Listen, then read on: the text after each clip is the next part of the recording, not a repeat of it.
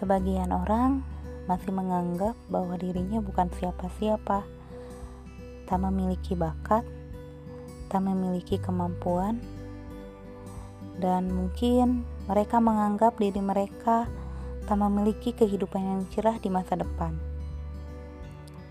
Dan orang tersebut salah satunya adalah aku.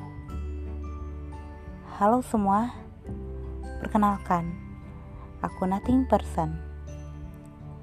Mungkin saat ini aku bukan siapa-siapa, tapi suatu saat nanti dunia akan ada di genggamanku, dan aku akan menjadi seseorang yang sangat spesial karena aku yakin ada potensi yang luar biasa dalam hidupku dan dalam hidup kalian.